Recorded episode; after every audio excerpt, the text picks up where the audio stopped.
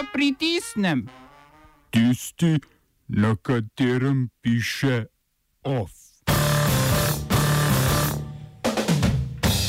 Propadel poskus državnega udara v Venezueli. Okrona nov japonski cesar. Na dosmrtno zaporno kazen v Egiptu obsojenih sedem članov muslimanske bratovščine. Post Krestum in praznik dela. Venezuelska vojska, zvesta predsedniku Nikolasu Maduru, je na ulicah Karakasa preprečila poskus državnega udara, kateremu je v videu na Twitterju pozval samorazglašeni začasni predsednik Juan Guaido. V videu so ob Guaidoju stali ljudje oblečeni v vojaške uniforme in Leopoldo López, nekdani vodja opozicije in Guaidojev mentor, ki je bil do nedavnega v hišnem priporu. Guaido je v drugem videu, objavljenem nekaj ur kasneje, nagovoril člane venezuelske vojske naj nadaljujejo s tako imenovano Operacijo Svoboda. Predsednik Maduro je včeraj na nacionalni televiziji dejal, da je poskus usiljevanja nezakonite vlade s podporo ZDA in Kolumbije propadel. Lopez se je po propadlem poskusu državnega udara z družino najprej zatekel v Čilsko in nato v špansko ambasado. Del vojakov, ki so v poskusu državnega udara podprli Guaidoja, pa, je, pa se je zatekel na brazilsko veleposlaništvo.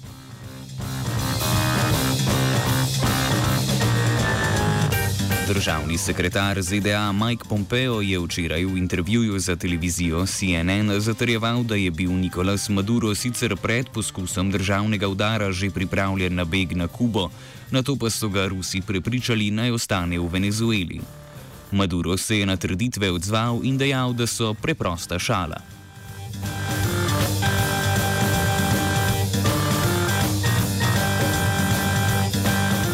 V Beninu je na parlamentarnih volitvah Progresivna unija s 47 pridobljenimi sedeži prehitela republikanski blok, ki je usvojil 36 sedežev. Obe stranki podpirata vlado aktualnega predsednika Patrisa Talona. Volilna udeležba je bila pri 23 odstotkih najnižja od prvih demokratičnih volitev v Beninu leta 1990. Razlog za nizko udeležbo je domnevno to, da opozicijskim strankam, ki ne podpirajo talona, vodilna komisija na podlagi novih pravil za udeležbo na volitvah ni dovolila kandidature. Na dan volitev je bil onemogočen dostop do več socialnih omrežij, kasneje pa je bilo izklopljeno celotno internetno omrežje.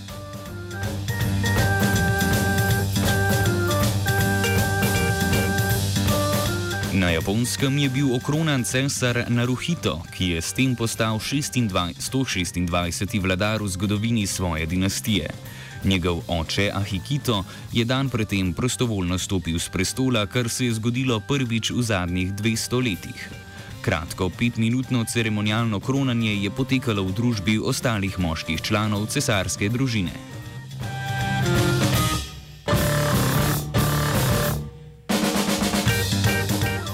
Dva člana ruske aktivistične skupine Pussy Riot sta na švedskem pridobila azil. Lusin Djanjan in Aleksej Knedljakovski sta za azil prvič zaprosila že leta 2017 in se pri tem sklicevala na smrtne grožnje in strah pred aretacijo v primeru, da bi se morala vrniti v Moskvo. Njuno prvo prošnjo je švedski urad za migracije zavrnil. Na odločitev se je par pritožil in v drugo jima je bil azil odobren. Švedski urad za migracije je lani azil odobril nekaj več kot 10 tisočim prosilcem, največ med skandinavskimi državami, kar pomeni, da je bilo 34 odstotkov prošen za azil uspešnih.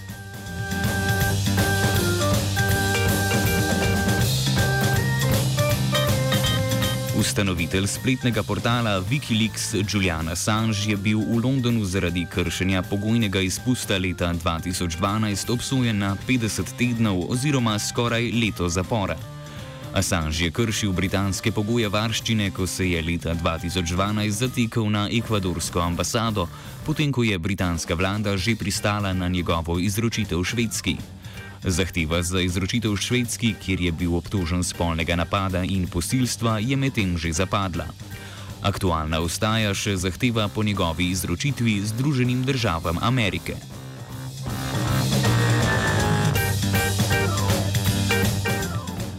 Vodstvo elitne angleške univerze Cambridge je naznanilo, da bo preiska preiskalo, kako je univerzi koristila čezatlantska trgovina sužnji v času kolonializma od 18. do začetka 20. stoletja. Dva postdoktoranda, ki delujeta na Univerzitetnem centru za afriške študije, bosta naslednji dve leti raziskovala, kako se je institucija okoristila suženstvom in prisilnim delom. Namestnik rektorja univerze Stephen Tup je ob naznanilu raziskave povedal, da preteklosti ni mogoče spremeniti, a da se ne moremo skriti pred njo.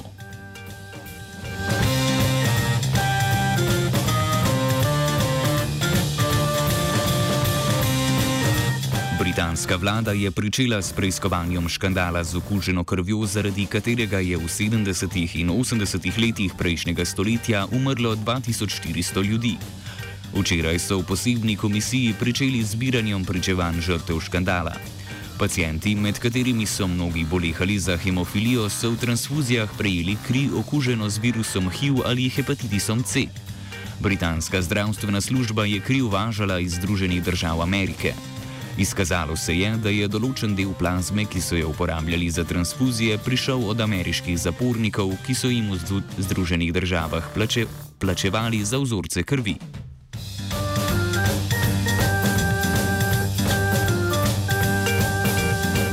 Virusom HIV sta se okužila tudi dve osebi v Združenih državah, ki sta se v kozmetični salon v New Mexico odpravili po tako imenovani vampirski tretma. Vampirski tretma, ki je pred nekaj leti popularizirala estradnica Kim Kardashian West. Z namenom pomlajevanja kože na obrazu stranki vzamejo kri, jo centrifugirajo, da izvlečejo več trombocitov in na to na boleč način ubrizgajo stranki nazaj v obraz. V enem od salonov so bili nepazljivi pri uporabi injekcij, zato sta se dve osebi okužili z virusom HIV. K testiranju so pozvali tudi ostale stranke, ki so se v letu 2018 v kozmetičnem salonu izpostavile vampirskemu zdravljenju.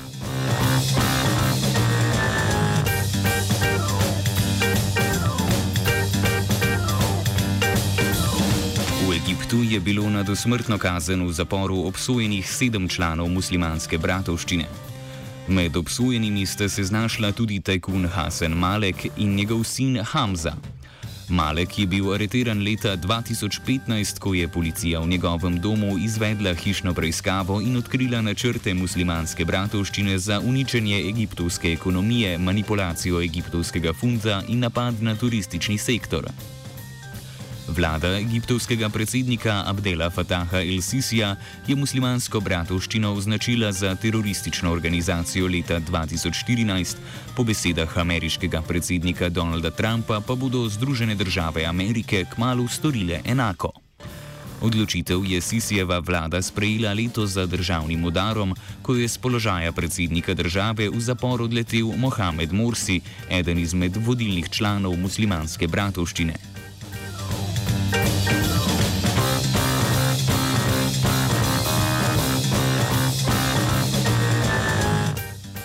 Je oddelala Lana.